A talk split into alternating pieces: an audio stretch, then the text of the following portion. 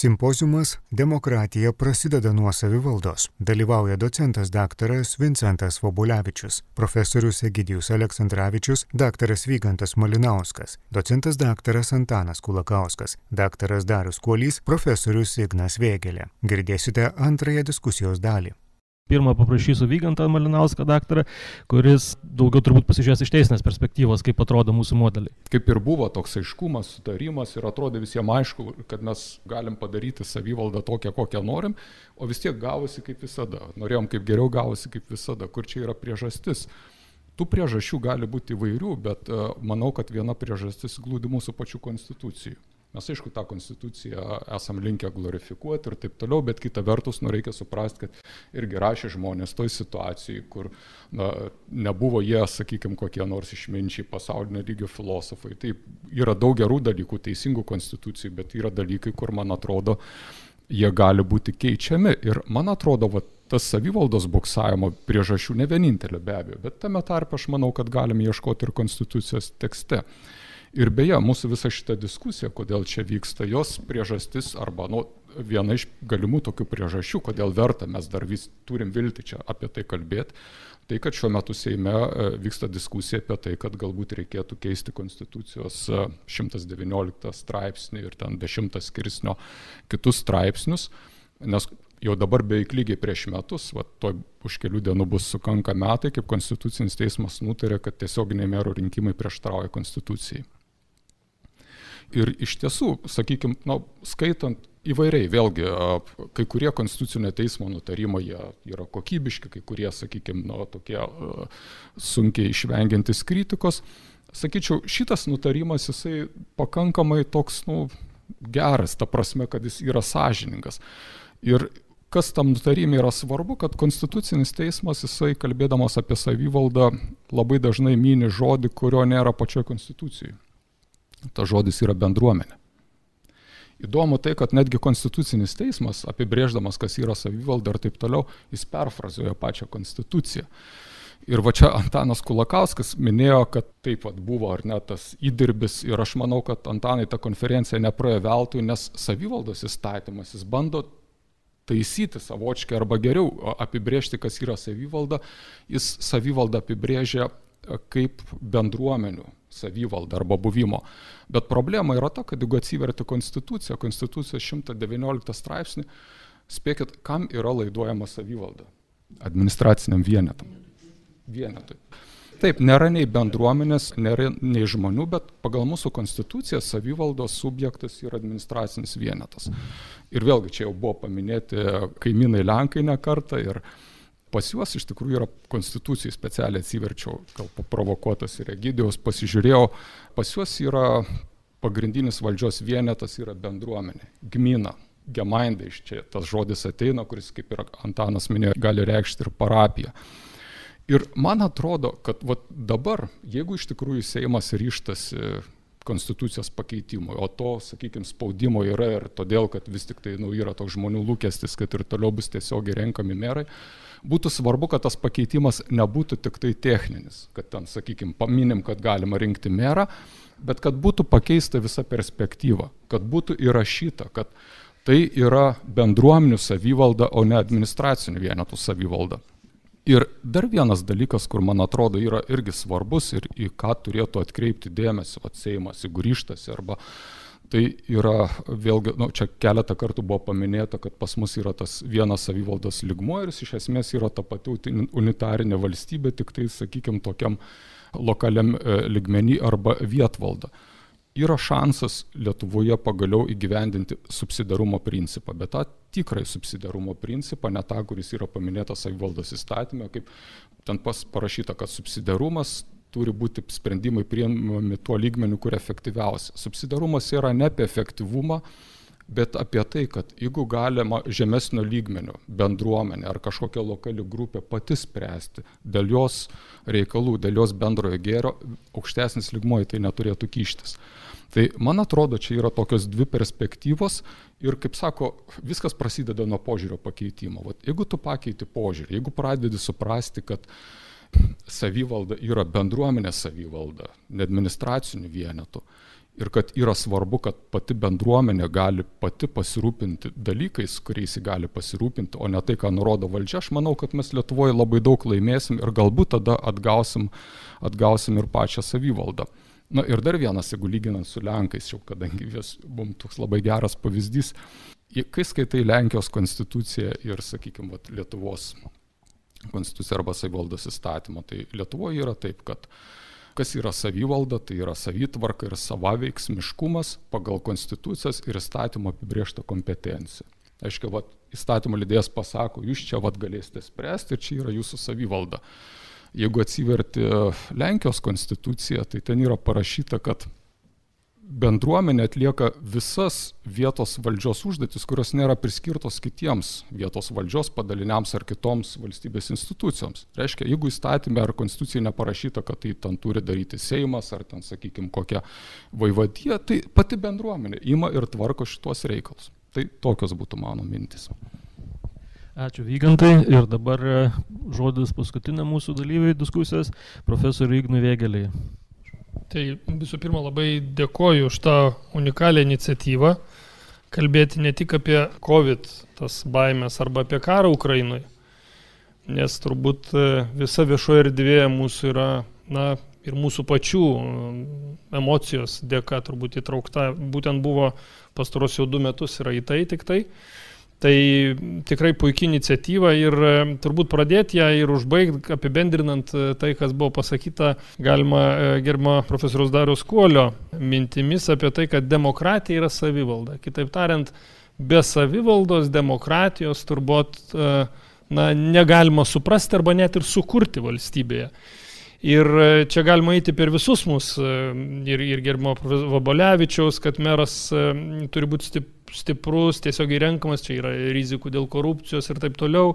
Galima tikrai profesorių Kulakauskui pritarti dėl tos vietvaldos pavadinimo arba to vieno tik tai mūsų to lygmens savivaldos ir, ir realybės tokios, kad realaus savivaldybinio modelio mes ir neturime, nors kalbėta labai daug yra profesorius Aleksandраvičiaus mintis apie tą tiesioginius rinkimus, apie vykdomosios valdžios e, tiesioginius rinkimus įvairiose valstybėse. Ir e, klausimas labai toks atliepiantis iš šiandieninę baimę turbūt, kiek pas mus yra Ukrainos, o kiek Rusijos mumise yra likę. E, Girmo Vyganto Malinausko bendruomenės įtaka ir, ir, ir taip toliau. Tačiau aš vis tik tai savo kolegą Girmo Vygantą galiu nuliūdinti, kad uh, Jūs keliate klausimą, kiek konstitucija, kiek politikai yra pasirengę keisti konstituciją ir suteikti daugiau galių bendruomeniai, būti savivaldžia. Tai mano supratimu, kad tie pakeitimai, kurie yra šiuo metu pristatyti, tai buvo praeitą rudenį pristatyti pakeitimai ir paruošti balsavimui, tai jie yra, na, vienintelis, kas juose yra išlaikoma, tai yra išlaikoma tiesioginiai merų rinkimai bet tenka labai nuliūsti, kad ten nieko daugiau nėra. Ir dar labiau nuliūsti klausimų, kai keliamas, ar mes apskritai galime išvysti tuos pokyčius. Juk žiūrėkit, Konstitucinio teismo sprendimas priimtas beveik prieš metus. Rudenį yra pasiūlytos konstitucinės pataisos ir dėl jų nėra kol kas balsuota. Reikia priminti, kad esant nepaprastai padėčiai, o šiuo metu Lietuva yra nepaprastos padėties, paskelbs nepaprastą padėtį, balsuoti negalima dėl konstitucijos pakeitimo. Tai ką mes šiuo metu turime? Mes šiuo metu turime nepaprastą padėtį, turime konstitucinio teismo nutarimą, kuris pasako, kad e, dėja eilė vietos savivaldos įstatymų ir, ir rinkimų įstatymų normų netitinka konstitucijos, Mes turime 2023 metais artėjančius savivaldos rinkimus ir mes nežinome, kokie jie bus. Tai ar galime kalbėti apie demokratišką savivaldą arba savi, ar, ar, ar apie demokratiją savivaldoje, jeigu mes net nežinome kol kas nieko, kaip vyksinai, o rinkimai jau po metų. Tai aš turiu labai didelę viltį, kad bent jau tas, kas yra pristatyta, nes kitų pataisų jau nebeįmanoma priimti, tik tai tas, kurios yra pristatytos, Tai aš turiu vilties, kad bent jau jos išvys dienos šviesą. Perinant iš tokios labai bendros diskusijos, aš, jeigu nepyksi, truputėlį su, nueisiu į tą konkretiką, tokius dalykus. kas vyksta Lietuvoje, tam COVID fone, mūsų pačių užsiemimo COVID fone, karo fone, tos baimės, tokios emocinės būklės, vyksta labai rimti dalykai. Žiūrėkit, Konstitucinis teismas prieš metus pasakė, kad vietos savaldos įstatymas ir e, rinkimų įstatymas reiškia, jisai prieštarauja konstitucijai per tris pjūvius. Pirma, tiesioginiai merų rinkimai, jie negalimi pagal Lietuvos Respublikos konstituciją, to, tokią formuluotę, kuri yra dabar padaryta, kuri galioja šiuo metu, atsiprašau. Be to, tos institucijos mero funkcijos nėra numatytos konstitucijų, jų tokių negali būti. Ir trečia, pati institucija kaip meras tokios nėra konstitucijai. Nei rinkimų, nei mero nėra, nei funkcijų jo nėra. Viskas. Dabar ką mes turime pristatytame įstatymę, pristatytame, reiškia, turiminti į konstitucijos pakeitime, tai konstitucijos pakeitime dabartinėme mes turime labai įdomų unikalų dalyką. Mes turime įtrauktą mero instituciją ir turime pasakymą, kad merai bus renkami tiesiogiai, kartu su savivaldybės taryba, ar ne? Bet žiūrėkit, nieko nekalba apie funkcijas. Mes nežinom, jūs galite įsivaizduoti, kad Lietuvos Respublikos savivaldos gyventojai eis rinkti, jeigu, jeigu ir būtų pakeista, daug dievė, kad e, būtų padaryta pertrauka ar kažkaip kitaip e, nepaprastoj padėti ir, priim, ir būtų priimtas tas konstitucinis, nes jeigu jo nebus, tai iš viso nežinia, kaip tai baigsis. Bet jeigu taip atsitiktų, mes eisime balsuoti už merus ir savivaldybių tarybas, nežinodami, kokias funkcijas jos atliks, kaip pasiskirstis kompetencija, tarp institucijų. Mes netgi nežinosim, kiek meras turės atstovaujamosios funkcijos, kiek viešo administravimo funkcijų jisai turės, kiek jisai turės vietinės valdžios funkcijų, nieks neaišku yra. Ir dabar žiūrėkit, kadangi aš, kad neužsišnekėčiau, žinau, kad galiu daug pradėti šnekėti, tai aš tokias dar vieną aspektą dar paminėsiu ir perleisiu tiesiog diskusijai. Tai žiūrėkit, kas dabar yra atsitikę. Realiai šiuo metu kol mes esame užsijėmę toje dėja tokia baimingoje emocinėje būsenoje, vyksta reali pertvarka rinkimų sistemos visos.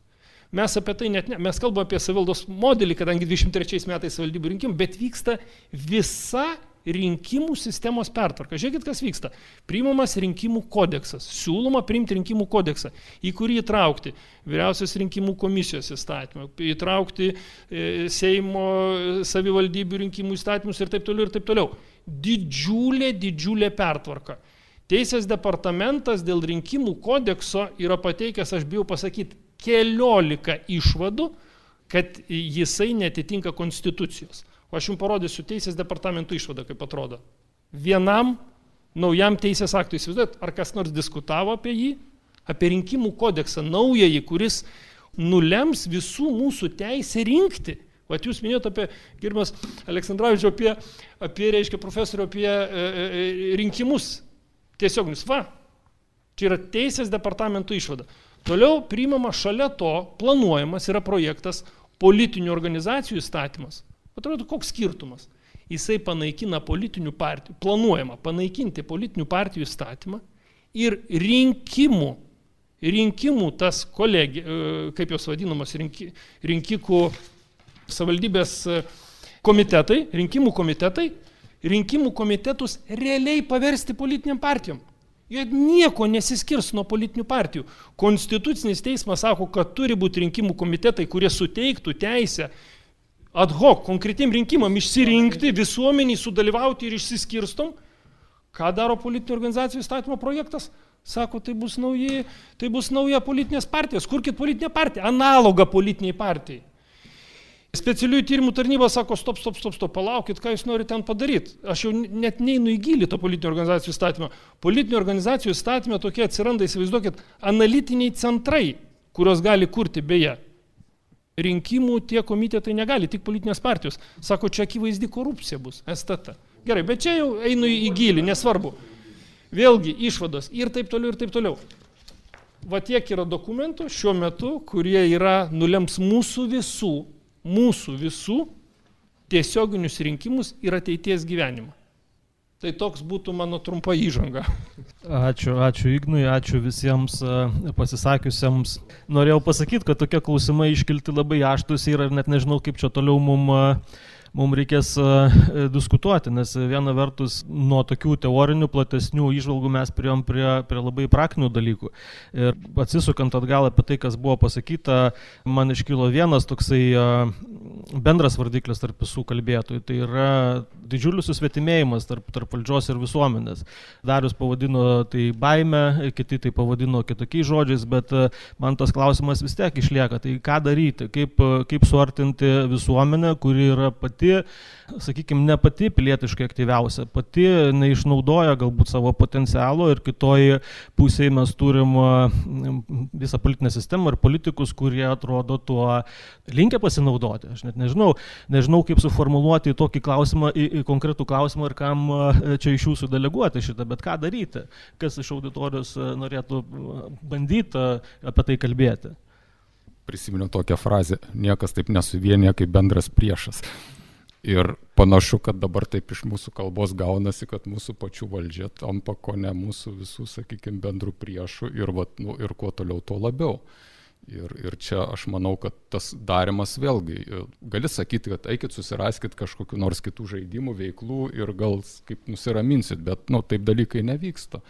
Iš tikrųjų, čia turbūt apie tai, ką kalbam, yra daug rimtesni dalykai ir tas susipriešinimas jis jau tampa nebe šiaip ten nuotaikos ir emocijų, bet jis tampa sisteminiu dalyku. Aš irgi tik tai replikuočiau, nes po profesoriaus Vegelės šito serialo su, su paketais dokumentų, kaip nenaudingų dalykų darytojas, aš vis sakau, belieka tik klausti, kodėl taip yra. Kieno čia kolektyvinio tautinio proto neįgalumas, priešingai biurokratinio centrinio aparato refleksų jėga nes jau yra visos kompozicijos, kurios galėtų apseiti be kokios savivaldos. Viską centras nuspręs. Demokratinio centralizmo posovietinė šmėklo sugrįžta per langus, duris ir jokių užraktų nebelieka. Ir jiems niekam nereikia, kad kas nors diskutuotų retorika, komunikatai jo yra tokie, kad už jūs viskas nuspręsta. Tik tai nepaprastoji padėti, tik tai nepradėti piliečiams nurodinėti įstaigoms, kaip reikia gyventi. Tokios frazės iškomunikuotos. Dabar visi viršininkų turi klausyti. Ką jūs čia svarstot? Gi nepaprastoji padėtis. Šitas karas, šitie dūmai, šitos pandemijos ne tik pas mus žinoma gali e, jaukti taip, kad demokratijos paskutinis kvapas ima išnykti. Tik tai performansai, spektakliai. O, o kita pusė reikalo, kur aš bandžiau ją paliesti, vis tiek aiškiai, kad per tą 30 metų kiek žyptelėjęs pačių žmonių noras savivaldiškai gyventi, nes tik taip laisvė yra pasiekiamas daiktas. Čia gali sakyti, vienoji teoriniai plotmėje be savivaldos nėra demokratijos, bet lygiai taip pat nėra laisvės be savidisciplinos, be savivaldos, be savo įsitraukimo, įsipareigojimo, be tokio bendro reikalo pojūčiai, tai yra moralinės kultūros klausimas. Ir, ir šitas, kaip sakiau, yra viltis iš nenaudingų dalykų taupyklės, kad, kad pati savivalda turi skatinti savivaldą. Arba kitaip sakant, didėti tas apetitas, didėti galimybė, didėti moralinis įsipareigojimas. Nes visi tie, kurie yra valdžia, taip pat yra mūsų žmonės. Nu, jie, jiegi ne iš dangaus, jie iš žemės. Mačiau Vincentas ranką kėlė ir paskui dar dar duosiu sureaguoti. Dėkui, tai aš nežinau, galbūt palengvindamas dainiui tą naštą, kaip pasakyti šitą bombą, kurią profesorius Vėgelė susprogdino pabaigoje, aš tiesiog sakyčiau, čia žinot, čia, čia yra didžiuliai klausimai aktualūs, bet ne, ne mūsų likusiam pusvalandžiui ir valandai diskusijos, tai galbūt čia yra testinių pokalbių tie pakeitimai, rinkimų kodeksas labai svarbi tema, kurią reikėtų plėtoti. O dabar, kaip mes susirinkome vis dėlto kalbėti apie savivaldą ir konkrečiai konstitucijos pakeitimus, numatančius tiesioginius merų rinkimus ir jo funkcijas, tai kadangi čia buvo mane paleistas strėlių dėl mano pasiūlymų, tai aš noriu truputėlį e, pasiūlyti, ką daryti ir tada e, lauk daugiau strėlių. Tai mano mintis realiai dabar. Žmonės nori rinkti vykdomąją valdžią. Ir tai yra visiškai įmanoma, kaip profesorius sakė, Aleksandраvičius, Amerikoje tas yra daroma, nori rinkti vykdomąją valdžią. Bet tas žmogus, kuris gavo rinkėjų pasitikėjimą, neturėtų būti veikėjas, kuris užsima techninių klausimų sprendimų ale administracijos direktorius jisai turėtų taip pat ir formuoti viziją. Lenkijoje, kuri buvo rodoma kaip pavyzdys, daugelį savivaldybių yra vis dėlto dėkinga situacija, kur viena arba kita didžioji partija, arba platforma, arba pisas turi labai ženklę daugumą, panašiai kaip ir jų Seime. Ir jiems užtenka arba savo pačių atstovų, arba dar prisitelkti vieną kitą nedidelę partiją, turėti stabilę daugumą. Tada fine, jeigu tu turi platformos merą ir platformos daugumą, galima įgyvendinti viziją, netgi jeigu tas meras formaliai neformuoja dienotvarkės ir nevadovauja paradui savivaldybėje. Labai gražu. Bet ką mes matom Lietuvoje? Kai buvo leisti tiesioginiai merų rinkimai, didėjai miestai visi įsirinko komitetų merus, atmesdami partinę sistemą tokia prasme. Tai yra gerai, tai yra gydimasis visuomenės, trumpuoju laikotarpiu. Aš tikėčiausi, kad ilgojo laikotarpio partijos atgaus reputaciją, bet dabar tai yra tam tikras gydimasis visuomenės. Mes atmetame partijas. Ir tu išrenki tada merą iš komiteto, kuris nebūtinai turi daugumą ir kuriam galbūt yra sunku daryti įtaką savivaldybės tarybos darbo atvarkiai. Ir tokiu metu tu turi labai blogą situaciją, nes demoralizuoji rinkėjus, mat meras neturi įtakos bendrai miesto politikos krypčiai, demoralizuoji merą, nes jo niekas neišmes. Jisai gali sabotuoti taryboje, jisai gali užsiminėti viešaisiais ryšiais ir sakyti, žiūrėkit, kokia taryba niekam tikus, juk jis žino, kad žmonės jį mėgsta daugiau, nes patys jį tiesiogiai rinko ir ne pagal kokį sąrašą. Ir tokiu atveju, mano manimu, stiprus meras, gerai, fine, jisai nebūtinai turi būti tarybos nariu, bet jeigu gauna teisę vetuoti tarybos sprendimus.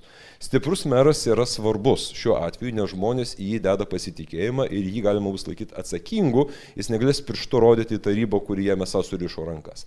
Bet kitoj vietoje, aš manau, jeigu meras yra mūsų užkarda nuo centro, tai tada kažkokia žemesnė grandis turi būti užkarda nuo mero. Nes jeigu meras įgauna per nelygi daug galios ir pradeda švaistytis mieste kaip pas save tėvonijoje, turėtų galėti sukilti tuos mūsų pačios pirminės bendruomenės, kurių aš turiu pripažinti, kaip jūs sakėte, nebėra. Jūs buvo sunaikintos sovietmečius, nebuvo atkurtos vėliau ir dažnai dar žmonės savo kaimynų laiptinėje pavardžių ir vardų nežino.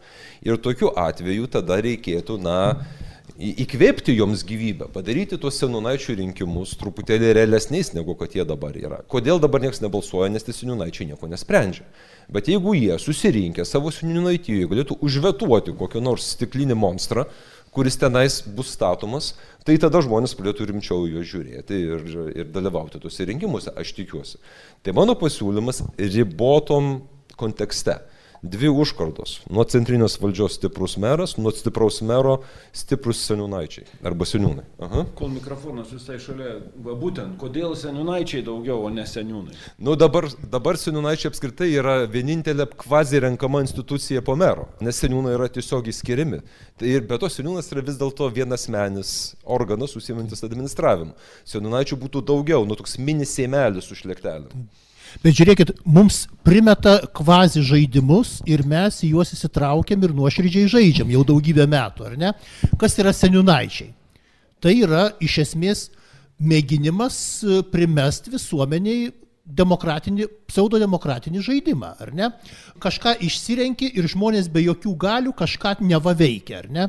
Jiems kartais duodama pinigų, bet Tai yra iš esmės mėginimas pridengti faktą, kad Lietuva neturi renkamų seniūnyjų.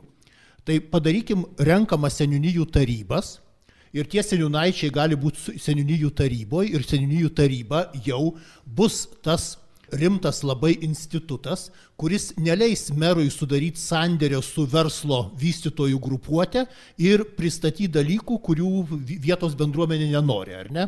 Nes seniūnyje veiks kaip bendruomenės institucija valdžios, savivaldė institucija. Apie tai, man atrodo, mes turėtume galvoti kaip laisvi žmonės, ne tuose rėmose, kuriuos mums nuleidžia dabar iš tikrųjų galę turintis žaidėjai. Ir pasižiūrėkit, mes iš tikrųjų jau daugybę metų mastom taip, kaip mums primeta. O reikėtų galvoti iš visuomenės lūkesčių, kaip susitvarkyti gyvenimą civilizuotai. Kaip civilizuotai susitvarkyti gyvenimą, aš nesakyčiau, kad valdžia yra mūsų priešas. Išsigandusi valdžia, na, yra yra tie žmonės, kurios reikia prisijaukinti, kurios reikia išvaduoti iš baimės, pasakyti, kad nereikia visuomenės bijot, gal juos kviestis, e, gal kažkaip šilčiau šnekėti. Nors aš mėginu viską daryti ir girti, ir dar, bet, bet tik pasakai kritiškesnį žodį, iš karto tampi priešo arba rusų agentų šiais laikais. Bet vis tiek, na, aš manau, kad reikia visuomeniai, bent kiek lastelėm tos organizuotos visuomenės išlikusiom, kviestis ir poziciją, ir opoziciją, nes jie ten uždarai, net mes, žiūrėkit, opozicijos neturim tokios demokratinės, kuris sakytų, na, mes siūlom alternatyvas, mes neleidžiam E, tokių ir tokių sprendimų. Bet ne, mūsų opozicija tampa irgi sistemos dalimi ir jie žiūri, kaip po rinkimų ar ne, jie gaus tos pačius svertus į savo rankas. Jau yra ta pati galios logika. Nebėra demokratinių principų, kurie opoziciją jungtų su visuomenė. Mūsų opozicija nebenori remtis laisvą visuomenę. O tiesiog yra tokie kabinetiniai susitarimai prieš visuomenę. Tai man atrodo, kad laisva visuomenė turi ardyti tuos kabinetinius susitarimus, traukti į viešas diskusijas, nepaisant nepaprastosios padėties.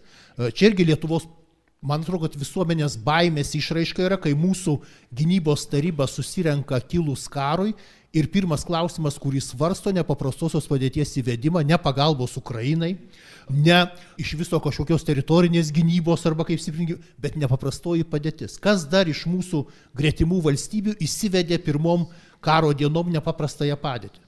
Turbūt be mūsų niekas kitas to nepadarė.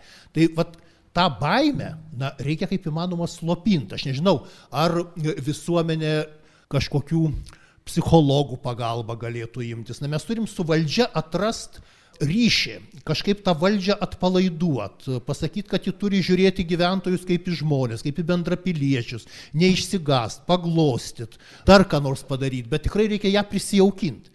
Nes jeigu tu pasakysi dar, kad mes dabar priešai, tai dar labiau, dar labiau stiprės tos įtampos. Aš e, kiekvienais metais e, mes, e, ta pirmoji vyriausybė, vis kviečiame esam per šventės į parlamentą.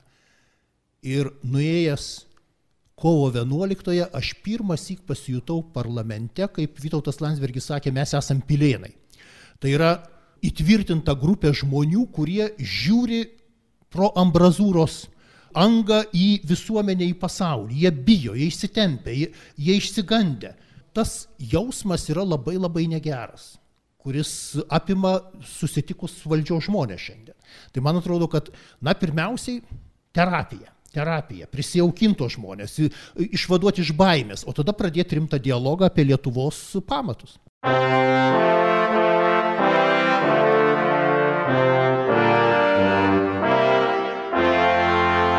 Čia Marijos radijas.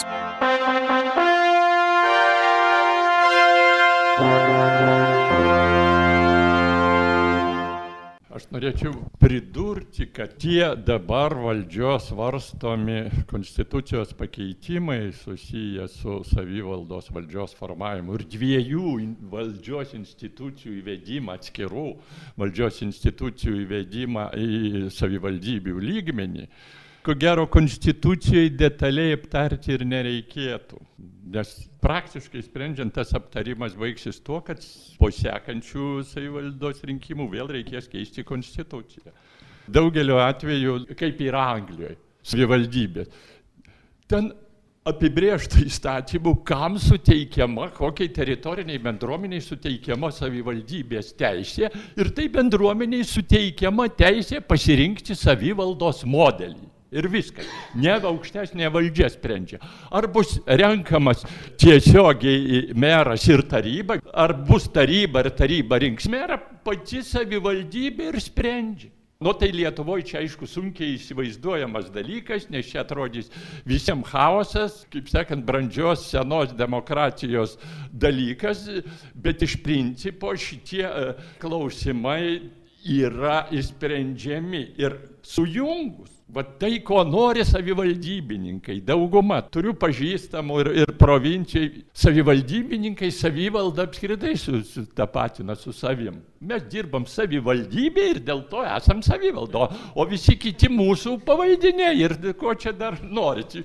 Jūs renkate, tada mes galim ir paaiškinti, kaip geriau centriniai valdžiai pertvarkyti savivaldą vadinamą modelį, kad mums būtų patogiau valdyti. Va toks tikrasis troškimas. O jeigu sujungsi, nu kitaip sakant, įteisinti tą modelį, kuris dabar prieštaravo konstitucijai, bet iš esmės bus toks pats, tai toks mero arba savivaldos galvos tipas, koks druskininkos Malinauskas, va, tai ir bus norma, o visi kiti, nu, ir mano gimtas tajam Ignalinos rajone, Aropė, kai buvo, nu, ten buvo minkštas, visiems patinkantis autoritarinis mechanizmas, bet iš esmės visus klausimus sprendė vienas žmogus. Taryba ten rankas kildojo, galvos nesugdami būdavo, trys, keturi, kurie, bet į juosgi galima dėmesio nekreipti. Tokius, kitaip sakant, valdžių atskirimo principas, jeigu jau įvedam atskirą mero privalo būti išlaikytas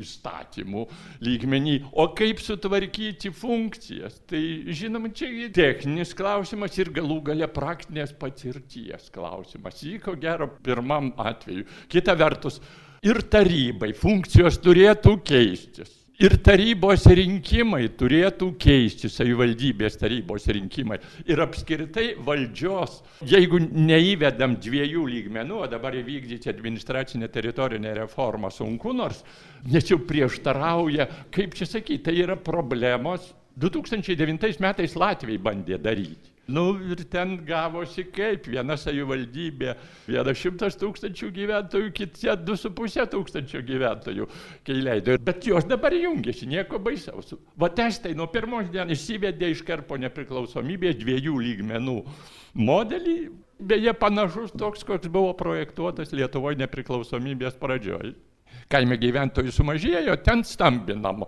Bet pirminės savivaldybės jungiasi, nu, skatina, aišku, valdžia dažnai, bet jos jungiasi ir nes, nesijungiant jau priešingai, jau prieštarautų Europos vietos savivaldos hartijai.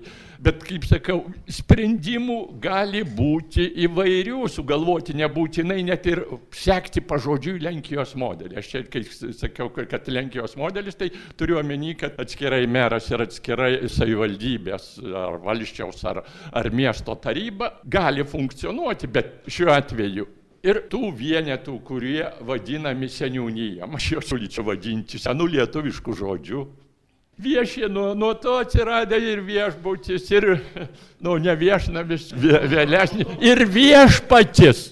Viešpatis iš to pirmiausia tai buvo viešės pats. viešės.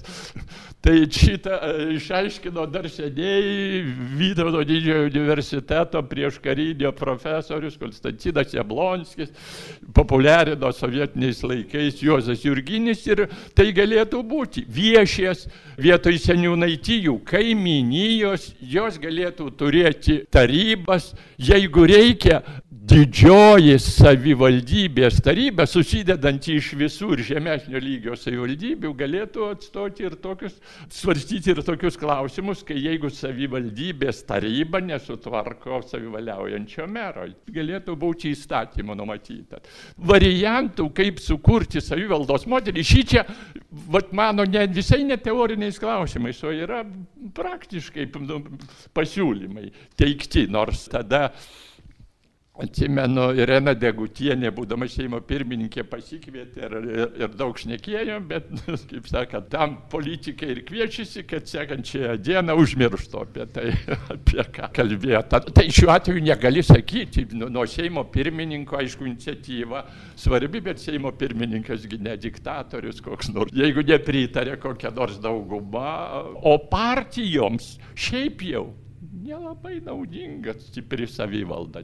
Deja, jos nori, kad būtų, kaip čia sakyti, kišeniniai. Užtadgi, kai rinko e, tarybos merus, tai kas atvažiuodavo, kas Kaune meras? Atvažiuodavogi iš Vilnius tos partijos, kurį laimėjo Kaune rinkimus. Ir čia jie nuspręsdavo, kas bus meras. Tai ne, ne, kas, ne, ne kokia nors nei čia vietos gyventojai, nei, nei rinkėjai, nei taryba išrinkta netgi. Nu, jei pasiūlo kandidatą. Tai.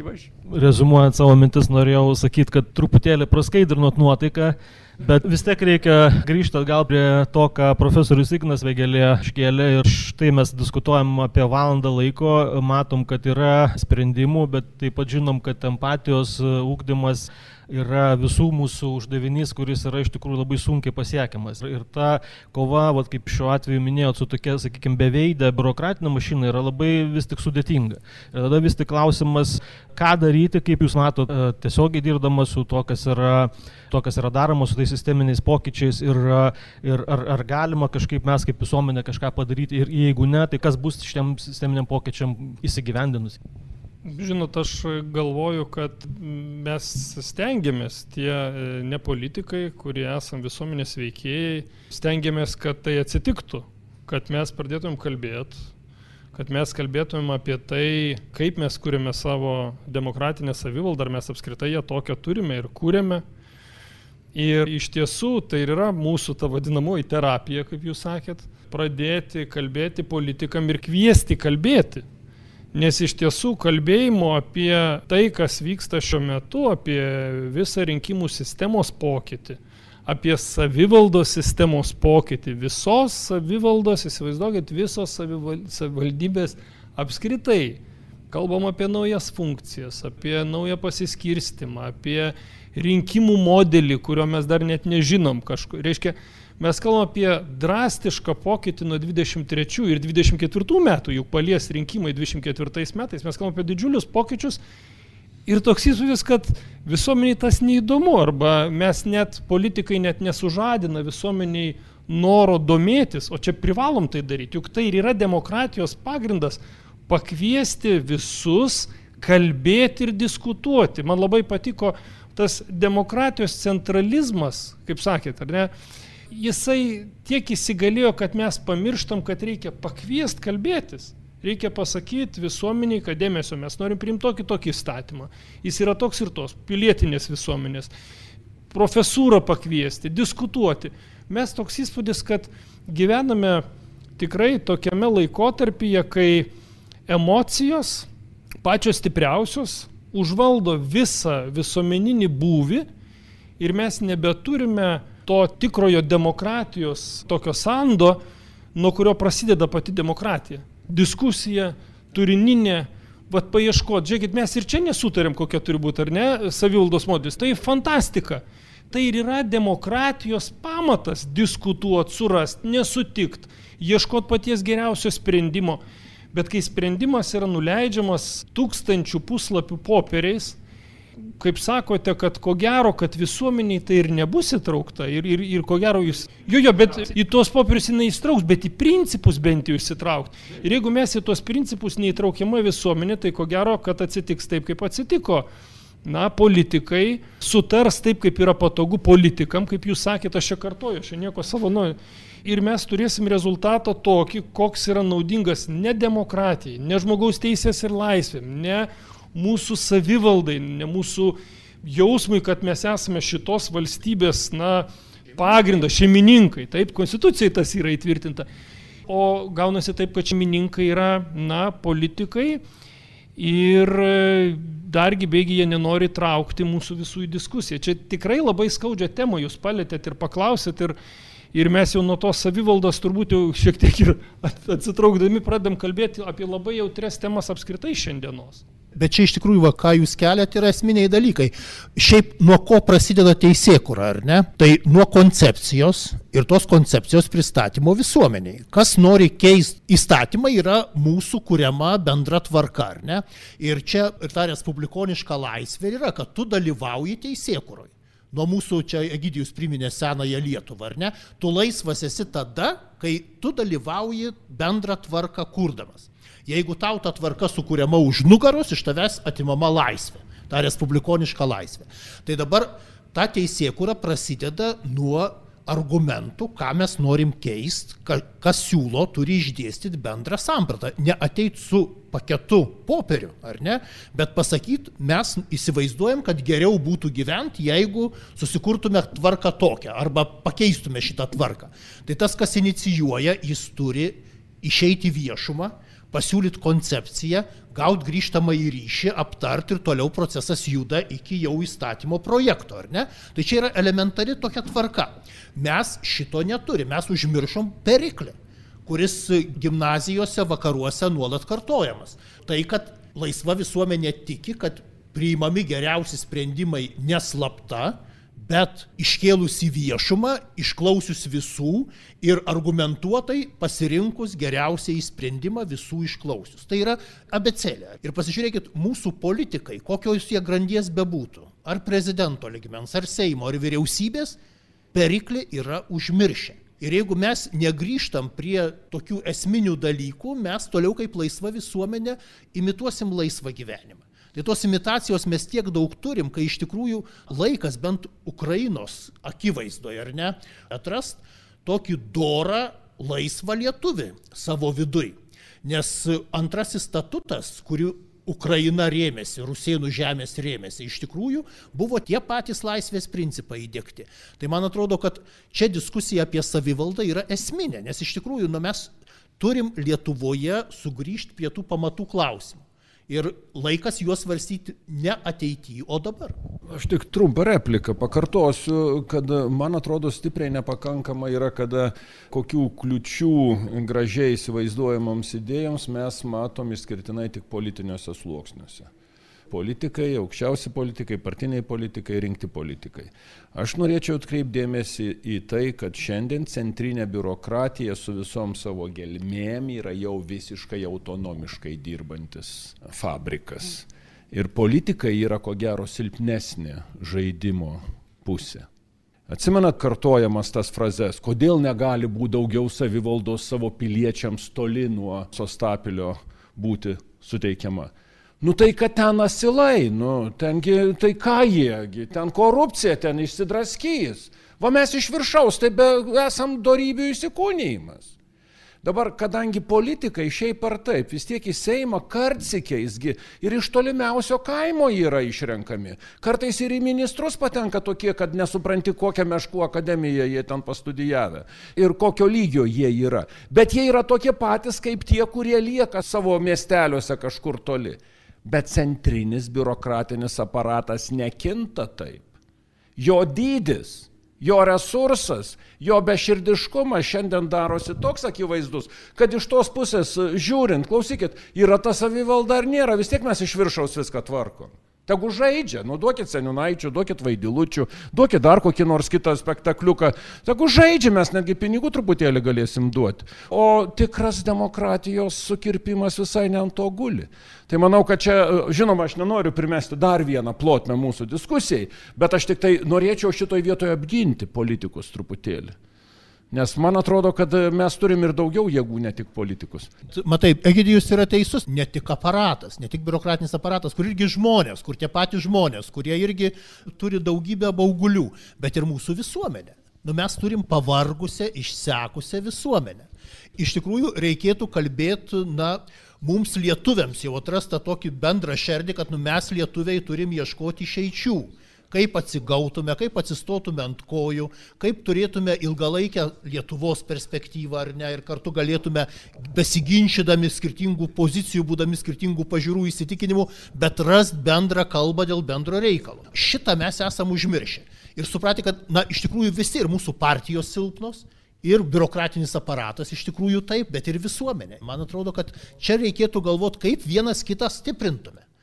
Aš čia Agidijos pratesdamas savo asmeninę patirtį dėl biurokratų įtakos. Tai prieš 15 metų, kai porą metų buvau Lietuvos aukštojo mokslo tarybos pirmininkas, nu, ir ten reikėdavo ministerijoje ir, ir pas ministrė, tai aukšti biurokratai bent porą sykių sakė, ko tu vaikštai pas ministrą? Nu, ne jisgi čia sprendžia, ką mes parašom, tą ir turi tu su mum tarkis. Jeigu nori, tai, tai jau seniai ne, ne naujas dalykas, bet tai labai gerai žinoti realybę, kad ant nors visų šunų karti, bet vis dėlto daryti gali visuomeniai tie, kurie pasiryšta daryti ir kitaip nieko nebus, kad ir nuo grupelės pradžia gali būti ir sunki, bet laukiant, kol visuma subręs kažkokiam revoliuciniam veiksmui, tai turbūt labai ilgai reiks laukti ir nežinia, ko sulaukti. Ačiū. Galvoju, kad politikos klaidos dažniausiai ir nugula ant visuomenės pečių. Ir vienaip ar kitaip, kad ir kokia ta santvarka bebūtų, vis tiek viskas prasideda nuo mūsų ir, ir tikėkime, mumis nepasibaigė. Bet čia norisi tik prisiminti turbūt tai, kaip kovoti, ką daryti. Tai ką klasikai sakom, ar paimsim Snyderį, kaip, kaip pakeis situaciją, kad, kad bendraukim tarpusavį, diskutuokim, diskutuokim ne emocijom, o, o racionalumu. Man patiko, Darius priminė, kaip įvardino ABC, kad būtent diskusijose gimsta geriausi sprendimai. Ir to tikrai nereikia bijoti, bet aš kaip akademinio pasaulio žmogus irgi jaučiu tokią atsakomybę, turiu prisimti, kad, kad gal per mažai tų diskusijų, kad gal reikia daugiau, pirmiausia, ir artimoje aplinkoje. Nes šiandien aš pats pastebiu tarp savo draugų, tarp savo kolegų bendrauti nėra lengva. Labai nueinama į emocijas ir, ir net akademinės diskusijos ir tai baigėsi kokiais nors konkrečiais siūlymais, konkrečiais sprendimais. Ir prieš rengdamasis diskusijai truputėlį galvojau ir prisiminiau tokią mintį, kad e, žiūrėdami, kaip šiandien pilietinė visuomenė dalyvauja, tai matom, kad nueina į tokius kraštutinumus. Na, sakykime, kad vienoje pusėje mes matome formų pasikeitimą, ta prasme, kad mums patraukus šau tipo diskusijos arba kokie nors tvarkymosi akcijos, bet ne tokios diskusijos, kurios, kaip Kavolis sakytų, turėtų pasibaigti kažkokiu labai praktiniu judesiu. Tai man atrodo, tokių diskusijų trūksta ir, ir ką tai rodo. Tai, tai rodo iš esmės tai, ką mes apkalbėjom, kad tas nusivylimas valdžia yra didelis, bet kita vertus, o ką daryti? Daryti. Nu, tai reikia patiems žmonėms vis tik suprasti, kad jie yra piliečiai, kad jie yra šios šalies valstybės šeimininkai ir kad jie turi galę. Kiekvienas mes vis tik turim galę, tik tai nereikia jos įsižadėti.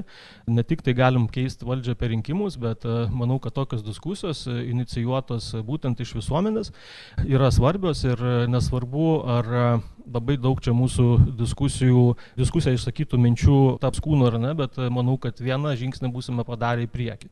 Ir jeigu padarysim dar tokių žingsnių daugiau, galbūt prisijungs kiti, ta situacija e, potencialiai gali keistis. Taip pat galvoju, kad teisingai reikėtų daugiau tokių diskusijų, kurių susitiktų ne tik tai, nesakau, kad visai bendraminčiai, bet panašiai mąstantys žmonės, bet teisingai reikėtų įtraukti to, kurie kitaip masto. Diskusiją organizuoti nesu tikslu kažką įtikinti, bet išdiskutuoti argumentus, kad turėtų progą tiek mes turėtume progą išgirsti, ką kitaip masto, tiek, tiek kiti galėtų išgirsti pilietinės visuomenės atstovų balsą. Čia aišku, mes nesimam dabar atstovauti visą visuomenę, mes tik tai grupelė žmonių, kurie susitikom šiandien padiskutuoti, bet e, manau, kad ne vien mes apie tai diskutuojam. Tai svarbu, kad tie, tos iniciatyvos tarpusavį jungtųsi. Ir žiūriu, mes jau pradiskutavom daugiau negu pusantros valandos ir galvoju, ar kažkas gal norėtų pabaigai sureaguoti kokį komentarą, jeigu ne, tai tuomet dar kartą dėkoju visiems diskusijos dalyviam, iš tikrųjų buvo labai įdomu diskutuoti tokiu aktualiu klausimu ir e, noriu palinkėti visiems, kad ir toliau ieškotume geriausio sprendimo diskusijose. Ačiū.